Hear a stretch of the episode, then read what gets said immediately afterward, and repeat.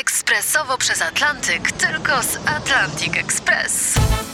Z nami wyślesz co chcesz, kiedy chcesz, do kogo chcesz i to o 40% taniej. W Atlantic Express wysyłamy wszystko. 1 800 775 7363. Mienie przesiedleńcze, kontenery, paczki do Europy. Atlantic Express o 40% niższe ceny na wysyłki, kontenerów, samochodów i paczek. Ekspresowo przez Atlantyk, tylko z Atlantic Express.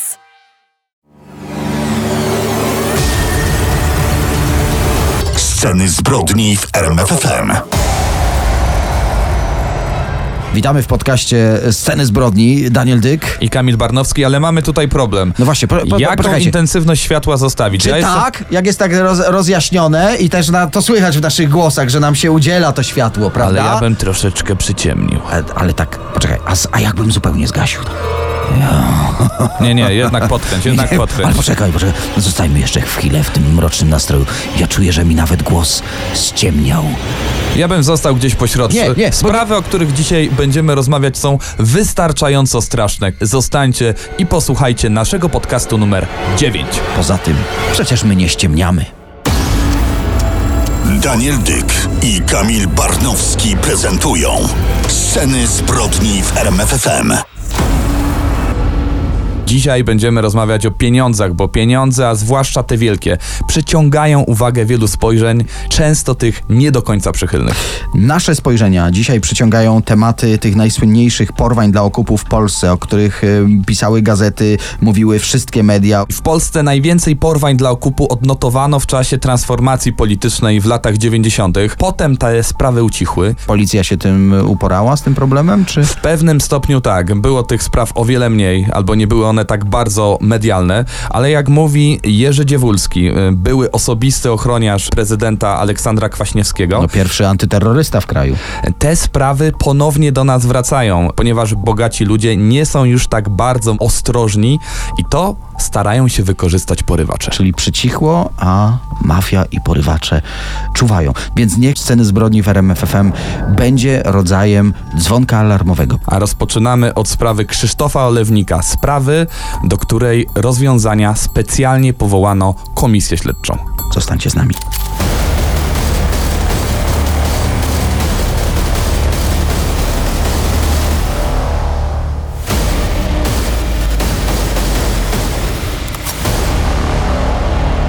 Sceny zbrodni w RMFFM. Zaczynamy i to od jakiej sprawy? Sprawa zaginięcia Krzysztofa Olewnika. To syn znanego płockiego biznesmena z branży mięsnej zniknął ze swojej willi w Drobinie na Mazowszu w nocy z 26 na 27 października 2001 roku i już dwa dni po zaginięciu do rodziny zgłosili się porywacze, zażądali 300 tysięcy euro okupu.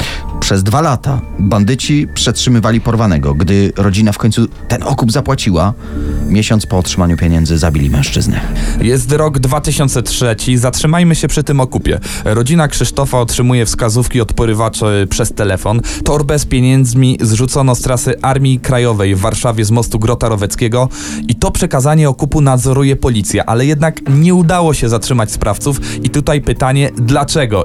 Przed śmiercią Krzysztof Olewnik przetrzymywany był w nieludzkich warunkach, to wiemy. Był bity, był zmuszany do przyjmowania leków psychotropowych. Większość czasu spędził w piwnicy należącej do szefa gangu, na łóżku, przykuty łańcuchami do ściany. To zaledwie 100 kilometrów od domu jego rodziców. To wszystko tam się wydarzyło. Łańcuchy przytwierdzone w dwóch miejscach, nad podłogą i wysoko pod sufitem. Prawdopodobnie próbował je zerwać, nie udało się, więc wpadł na pomysł, by odchudzić się na tyle, by udało się je po prostu zdjąć. Przez półtora miesiąca schudł rzeczywiście tak mocno, że przed Bożym Narodzeniem 2001 roku udało mu się wyswobodzić górną część ciała. Niestety łańcucha z nogi nie udało się poluzować. 5 września 2003 roku. Tragiczna data. Krzysztof Olewnik został zamordowany. Jego ciało zakopano w pobliżu miejscowości Różan. Śledczy ustalili, że jeden z porywaczy, Robert P., nałożył na jego głowę kilka foliowych reklamówek, przytrzymywał je tak długo, aż Krzysztof Olewnik się udusił. Co ciekawe, e, a może bulwersujące, już dwa tygodnie od porwania ojciec Krzysztofa Olewnika odebrał z poczty anonimowy list i, i ten list, pozwólcie, że zacytuję. Panie Olewnik, nie chcę straszyć, ale wiem, że Krzysztofowi grozi niebezpieczeństwo. Dotarła do moich uszu informacja, że porywacze mają zamiar go zabić. Jeśli pan może, niech pan odszuka Ireneusza P. Tu pada y, całe nazwisko. Bokserka. On ukrywa się koło Nowego Dworu Mazowieckiego. Kontaktuje się z nim i kolejne nazwisko P. Dziś wiemy, że to ci wskazani w liście odbierali okup, że to w piwnicy Ireneusza P. porwany spędził swoje ostatnie dwa lata życia, że to Robert P. odebrał mu ostatni oddech. Dlaczego, mając taki trop, Taki policja zlekceważyła list? Do tej sprawy i do jeszcze większej liczby ogromnych znaków zapytania wrócimy za moment w scenach zbrodni w RMFFM. Płatni zabójcy, seryjni mordercy i sceny zbrodni w RMFFM.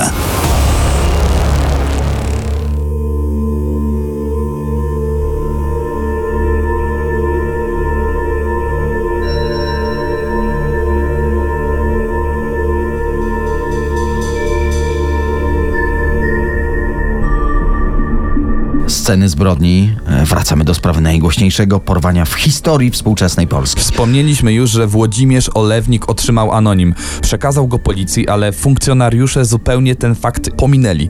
Ojciec Krzysztofa Olewnika wprost oskarża policję o zaniedbania w tej sprawie. Gdy przyglądaliśmy się e, tej sprawie w wielu artykułach prasowych, ich autorzy też wprost mówią, że policja sprzyjała porywaczom. To może kolejny przykład. Na sklepowym monitoringu uchwycono szefa gangu, który kupuje telefon komórkowy. To z niego na drugi dzień rodzina usłyszała nagrany głos porwanego. W poniedziałek mają być zgromadzone pieniądze 300 tysięcy euro. Żaden śledczy jakimś dziwnym trafem nie poszedł tropem sygnału z karty SIM z tego telefonu. Zamiast tego, skoro głos nagrany na dyktafonie był głosem porwanego, uznano za najbardziej prawdopodobną wersję samo uprowadzenie. Krzysztof miał sfingować swoje własne porwanie, by wyłudzić od ojca pieniądze. Gangsterzy kontaktowali się później wielokrotnie z rodziną, listy, telefony, a policja bezradnie rozkładała ręce. Krzysztof żył, Krzysztof czekał na pomoc. I przesłuchano lokalnego przestępcę, dobrze znanego policji. Oficjalnie przesłuchanie nic nie wniosło, wypuszczono go na wolność, ale jak wskazało późniejsze śledztwo, ten przesłuchany był wśród porywaczy i to właśnie on zamordował porwanego. Zacytuję kilka portali, które analizowały śledztwo. Pomijano istotne dowody. Oględziny były dalekie od profesjonalizmu. Wiele śladów utracono bezpowrotnie. Prasa też pisała, że dochodziło do przesłuchań policjantów przez ich kolegów przełożonych. Prokuratorzy prowadzący śledztwo zmieniali się jeden po drugim. Wyciekały zeznania świadków. Bardzo głośne było zalanie ściekami piwnicy z dowodami w tej sprawie, naprawdę niebywałe. Podejrzewa się, że śledztwo specjalnie sprowadzono na ślepe tory i jedna z policyjnych notatek wskazała, że olewnika po porwaniu widziano rzekomo w Niemczech. Co najbardziej niezwykłe, trzej sprawcy mm, zginęli kolejno w swoich celach. Każdy z nich miał popełnić samobójstwo. Już to jest podejrzane, już to sugeruje, że ktoś mógł próbować nie dopuścić do ujawnienia ich zleceniodawcy, kogoś wysoko postawionego. No chyba, że to naprawdę mocny przypadek. Jeden z ekspertów e, kryminalnych, który wypowiada się w tej sprawie, mówi, że takie przypadki w kryminalistyce po prostu nie istnieją.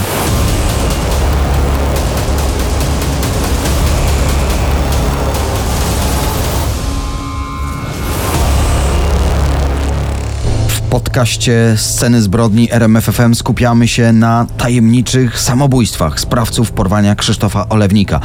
Główny podejrzany w procesie, szef grupy Wojciech F. na trzy miesiące zanim proces się rozpoczął, popełnił samobójstwo w celi aresztu w Olsztynie. Został znaleziony w nocy z 18 na 19 czerwca 2007 roku. Sekcja zwłok wykryła, że był pod wpływem alkoholu i amfetaminy. Tutaj pytanie, skąd miał je w celi?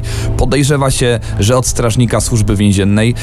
To, co wzbudziło jeszcze większe podejrzenia, to fachowy sposób zawiązania pętli z dwoma supłami, jak ktoś doświadczony w konstruowaniu szubienicy. Dochodzenie wykazało, że obawiał się o własne życie. W liście do sądu pisał: Okaże się, że zatrułem się kiełbasą albo przedawkowałem narkotyki. Dodajmy, że dwa lata później strażnik, który pełnił służbę tej nocy w olsztyńskim areszcie, powiesił się na drzewie w okolicach Olsztyna. Oficjalnie targnął się na życie z powodów finansowych. Kolejny to Sławomir K. To dzięki jego zeznaniom skazano pozostałych sprawców. 4 kwietnia 2008 roku został znaleziony martwy w areszcie w Płocku. Powiesił się na prześcieradle w kąciku sanitarnym swojej celi. Cela monitorowana, poza wspomnianym kącikiem. W jego krwi, jak stwierdził biegły, Ilość psychotropów była, cytuję, toksyczna. Oprócz tego miał też złamane kilka żeber, otarcia, silce pod kolanami i na przedramionach, jakby walczył o swoje życie i po tej śmierci media uznały, że ta sprawa nie wygląda już na zbieg okoliczności. I wtedy kolejne samobójstwo skazanego w tej sprawie. Robert P. pseudonim Pedro, żeby i on nie popełnił samobójstwa, a był ostatnim, który mógł wskazać innych ewentualnych podejrzanych. Pilnowano go, traktowano jak więźnia niebezpiecznego. Stały monitoring celi. Zwykle też więźniowie dyżurni podają pokarm do cel, a jemu podawał strażnik oddziałowy. Na spacerniak wychodził sam. Izolowano go od innych więźniów. Tak było w zakładzie karnym w Sztumie, ale na początku 2009 roku został przewieziony do zakładu karnego w Płocku i swoim bliskim miał powiedzieć, że jeśli go tam przewiozą, to będzie dla niego jednoznaczny wyrok śmierci. I rzeczywiście, 19 stycznia został znaleziony martwy w celi. Wstępne oględziny wykazały samobójstwo. I to już było zdecydowanie więcej niż podejrzane. Na następny dzień do dymisji podał się głośna sprawa, ówczesny minister sprawiedliwości Zbigniew Ćwiąkalski, a ta seria zgonów mogła sugerować, że samobójstwa są pozorowane, by ukryć prawdziwych zleceniodawców porwania i zabójstwa Krzysztofa Olewnika. Ale skoro nie udało się fachowcom kryminalnym odkryć, jak było naprawdę, i my stawiamy tutaj jedynie znaki zapytania. To zdecydowanie jedna z najbardziej tajemniczych historii kryminalnych współczesnej Polski i nie mogło jej oczywiście zabraknąć w scenach zbrodni w RMFFM. Płatni zabójcy, seryjni mordercy i sceny zbrodni w RMFFM. Ale kończąc tę sprawę, przed sądem stanęło 12 osób zamieszanych w uprowadzenie, 11 skazano, troje już nie żyje. W 2009 roku powołano Sejmową Komisję Śledczą, która miała wyjaśnić e, szczegóły. Pod wpływem jej raportu zmieniono procedury prokuratorsko-policyjne obowiązujące w przypadkach kidnappingu. Powstały też zespoły specjalizujące się w wykrywaniu sprawców porwań i to właściwie jedyny pozytywny wniosek płynący z tej mrocznej historii. Sceny zbrodni w RMFFM.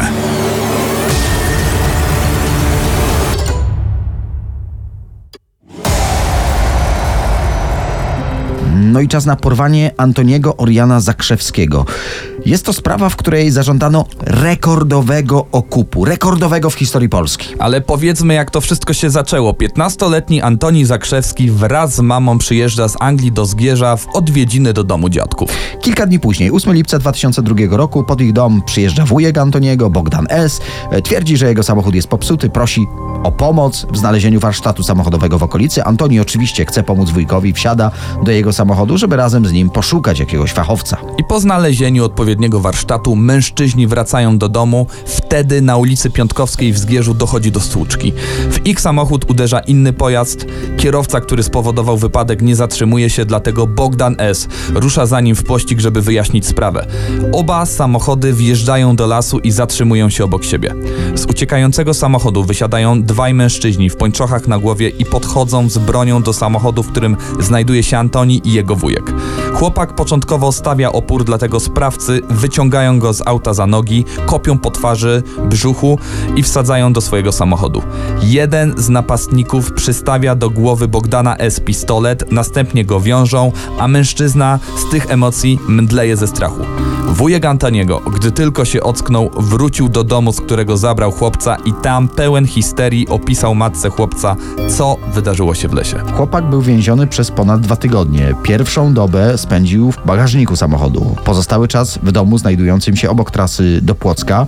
Był wtedy wielokrotnie bity. I wszystko to, co wydarzyło się w dniu porwania, o czym przed chwilą powiedzieliśmy, było starannie wyreżyserowanym przedstawieniem, dzięki któremu oprawcy chcieli początkowo zarobić 3 miliony dolarów.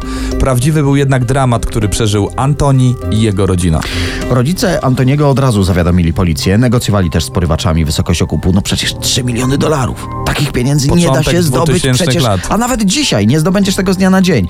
Ostatecznie okup został obniżony do miliona 100 tysięcy złotych. Po 18 dniach piekła 25 lipca 2002 roku porywacze zostawili Antoniego w lesie z zaklejonymi oczami. Po jakimś czasie natrafił na ludzi, którzy wezwali policję i mu pomogli. Antoni po porwaniu zmienił się. No, nie do poznania. Przez 5 lat praktycznie nie wychodził z domu. Miał problemy ze zdrowiem. Według różnych relacji nadal nie doszedł do siebie po tym, co go spotkało. Śledztwo w sprawie porwania intensywnie trwało, ale porywacze przez długi czas pozostawali nieuchwytni. Aż do 2009 roku, gdzie po 7 latach śledztwa funkcjonariusze CBS-u zatrzymali 9 porywaczy. I co najbardziej szokujące w tej sprawie, w zorganizowanie porwania zamieszana była rodzina Antoniego, jego wujek Bogdan S., z którym znajdował się w samochodzie i nawet jego kuzyn. Prokuratura ustaliła, że motywem porwania 15-latka nie były wyłącznie pieniądze. Bogdan S. w głównej mierze chciał się zemścić na jego ojcu, z którym wcześniej prowadził interesy. Przygotowując się do tego tematu, natrafiłem na wywiad z panem Zbigniewem Zakrzewskim, ojcem Antoniego, i wynotowałem sobie jedno zdanie specjalnie dla was.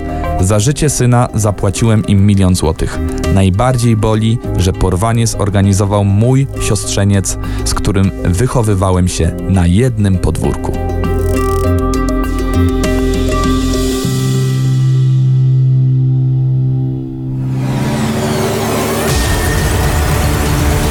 Sceny zbrodni w RMFFM.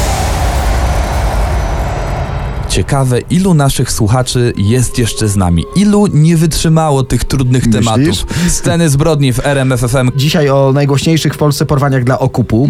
Przed nami jeszcze ogromne tragedie w rodzinach słynnych polskich przedsiębiorców. Tylko jeden z nich odzyskał najbliższą sobie osobę. No i sprawa, gdzie mafia chce okupu od mafii. Takie sprawy tylko u nas. Koniecznie zostańcie z nami.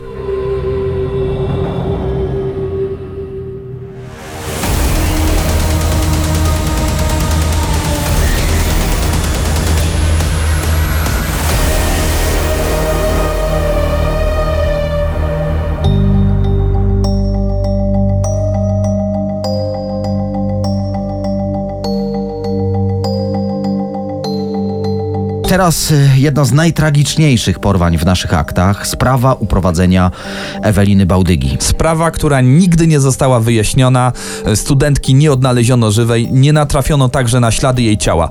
Dodajmy, że porywaczom wszystko uszło na sucho, nie usłyszeli zarzutów. Wierząc pogłoską, Ewelinę mogli porwać członkowie tak zwanego gangu obcinaczy palców. No to może skupmy się y, jednak, jak zawsze w scenach zbrodni, przede wszystkim na tym, co wiadome, na faktach. Y, 30 maja 2005 roku. Ewelina ma 21 lat. Jest najmłodszą córką właściciela zakładów mięsnych w Łysych. Skończyła zajęcia na warszawskiej uczelni. Idzie na parking przy Domaniewskiej na Mokotowie. Nie zwraca uwagi na białą furgonetkę, która zaparkowała koło jej sportowego samochodu. Przeciska się koło niej. Sekundę później nie ma po niej śladu. Z zapisu kamery przemysłowej na budynku pobliskiego banku widzimy, jak obok jej czarnego BMW zatrzymuje się biały Ford Transit. Kierowca jakby na coś czekał, nie wysiada. Następnie widzimy kobietę idącą przez parking i wchodzącą między oba samochody. Nagle drzwi furgonetki otwierają się błyskawicznie. Widać w nich wysokiego mężczyznę, chwyta kobietę za szyję i wciąga do środka. Drzwi zamykają się, a samochód spokojnie odjeżdża, zanim jeszcze auto osobowe, które najprawdopodobniej ubezpiecza całe porwanie. Niestety monitoring ma kiepską jakość. Sprawców nie udaje się rozpoznać. Furgonetka kilka godzin później płonie nad Wisłą, a porwana kobieta przepada na zawsze. Ewelina Bałdyga, najmłodsze z dzieci znanego biznesmena, kochana przez tatę, dostała od niego apartament w stolicy, planowała nawet ślub ze swoim narzeczonym, mieli się wkrótce wybrać do Meksyku. Bandyci najprawdopodobniej wiedzieli, że tato zrobi wszystko, by córka mogła zrealizować swoje szczęśliwe plany, a jako, że od lat gościł w rankingu najbogatszych Polaków z majątkiem szacowanym na miliard złotych, liczyli zapewne na bardzo duży okup. No i rzeczywiście sześć dni od porwania, 5 czerwca wieczorem dzwoni telefon jej ojca, nagrany głos Eweliny i żądanie pół miliona euro. Policja podejrzewa, że porwana mogła już nie żyć. Jeśli to rzeczywiście mokotowska grupa tak zwanych obcinaczy palców, jak się podejrzewało, no to oni mieli zwyczaj nagrywać ofiary, mordować je, a rodziny tymi nagraniami po prostu szantażować i skłaniać do płacenia okupu. Po kilku kolejnych dniach kolejny telefon z nagraną instrukcją, dokąd jechać z okupem. Tato porwanej wraz z narzeczonym jadą w kierunku Łomży. Następnie instrukcja Wyszków. Kolejna dworzec centralny w Warszawie. Dalej jakiś hotel, Stare Miasto, Aleja Jana Pawła. W końcu porywacze twierdzą, że zauważyli policję, także detektywa Rutkowskiego. Prawdopodobnie tylko blefowali, żeby było to pretekstem do podniesienia okupu do miliona euro. I jeśli nie zapłacą miliona, dziewczyna będzie torturowana. Policyjna notatka Ja może zacytuję. Sprawcy puszczają nagranie głosu uprowadzonej, która płacze i mówi, że obcięto jej włosy, a od jutra zaczną obcinać inne rzeczy. Sprawcy żądają okupu miliona euro. Grożą, że obetną uprowadzonej palec od nogi. I rzeczywiście, do rodziny Eweliny dociera przesyłka od porywaczy z torbą z jej włosami. Ostatecznie 28 czerwca 2005 roku dla gangsterów zebrano 567 tysięcy euro. Okup zrzucono z tego samego mostu Grotoroweckiego, o którym dzisiaj mówiliśmy przy okazji porwania olewnika. Dodajmy, że obie rodziny są ze sobą spokrewnione. W obu przedsiębiorcy z branży mięsnej. Dlatego w śledztwie obie sprawy próbowano łączyć.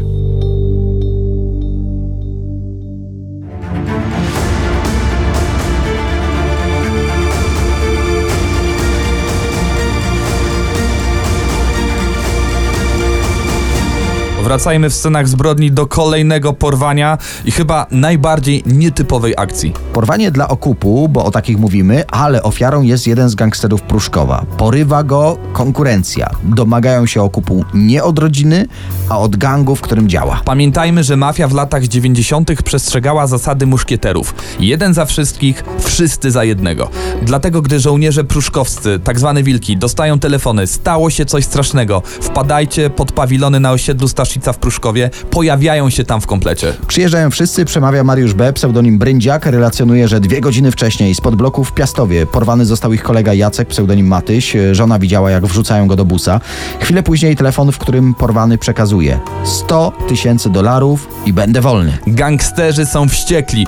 Podejrzewa się ekipę żarowską, prowadzą własne śledztwo w mieście, odbierają kolejne telefony, co chwilę dostają krótkie przypomnienia, że porywacze czekają na 100 tysięcy dolarów. Ale przede wszystkim wilki pilnują się nawzajem, aby nie doszło do kolejnego porwania. I właśnie do takiej próby dochodzi, jednak niedoszła ofiara ucieka, a przy okazji rozpoznała jednego z tak zwanej grupy mutantów, Cielusia, zwanego też Robsonem albo Siwym.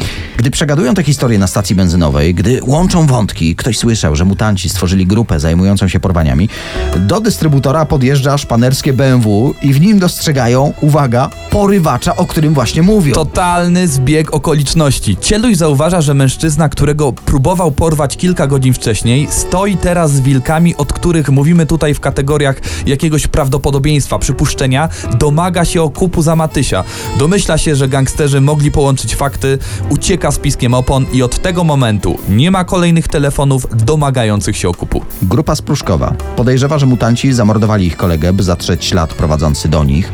Odwiedzają nawet jasnowidza, który potwierdza ich przekonania. Miał jakoby wizję, że ciało ich kumpla jest zakopane w Puszczy Kampinoskiej. Szukają tam przez kilka dni świeżo rozkopanej ziemi. Ciała Matysia nigdy nie odnaleziono. Do dziś widnieje w rejestrach policyjnych jako osoba poszukiwana. To są sceny zbrodni w RMFFM. Śledź z nami kulisy największych przestępstw. Tym razem czerwiec 2011 roku. Dochodzi do głośnego porwania żony jednego z gdańskich przedsiębiorców. Zaatakowano ją przed domem, w lesie, w czasie spaceru z psem. Trzech mężczyzn udaje policjantów. Obezwładniają kobietę gazem pieprzowym, no i klasycznie jak w amerykańskich filmach powiedzielibyśmy, zmuszają do wejścia do skradzionego wcześniej samochodu. Wieźli ją do wynajętego domu w pobliżu Pucka, tu przetrzymują ją 8 dni, samochód podpalają, oczywiście by ślady. Wyobraźmy sobie pomieszczenie bez okien. Kobieta ma na szyi gruby łańcuch, jej mężowi grożą, że kobiecie przestrzelą kolana, zrobią gorsze rzeczy, że mogą ją zgwałcić. Żądają okupu w wysokości miliona euro. Biznesmenowi udało się zebrać 527 tysięcy euro. 16 czerwca przekazuje okup na terenie Lasów Oliwskich. Porywacze wypuszczają kobietę w pobliżu Rekowa Dolnego. Jeszcze w tym samym miesiącu, w którym doszło do porwania, policja wpada na trop porywaczy, ale porywacze sami ten trop policji podsunęli. W efekcie specjalna jednostka CBS-u brutalnie zatrzymuje trójkę studentów. Grupa szturmowa łamie nos dziewczynie, dwóch jej kolegów zostaje pobitych i porażonych paralizatorem. Dochodzi także do kilku innych aresztowań.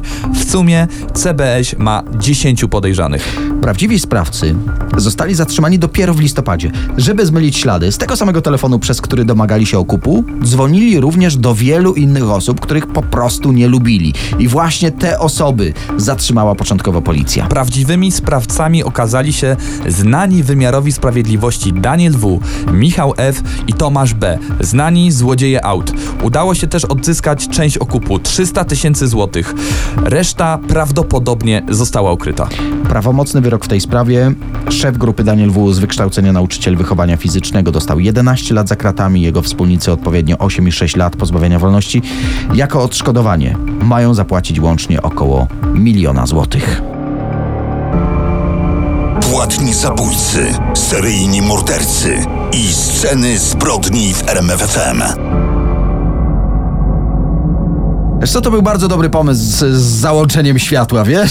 Ja bym Mówiłem. nawet jeszcze rozjaśnił. Mówiłem, to już Ja chciałeś teraz cwaniakować, że, że w ogóle wyłączmy. Ale czekaj, bo teraz ktoś będzie musiał jednak zgasić światło. Wiesz, wychodzimy ze studia i co tak zostawisz? To zagramy w A kamień, licznik tak będzie chodził? zagramy w kamień, papier, Dobra, nożyce. no do, dajesz 3, 2, 1. Także, także do usłyszenia, Danielu. Czyli, Danielu, ale co, na musisz pa- to papier zrobić. na pewno wygrywa z Papier kamieniem? wygrywa, tak było zawsze, że wygrywał. Pa! Kamil Barnowski idzie. Daniel Dyk zostaje jeszcze z wami, ale tylko do momentu zgaszenia światła.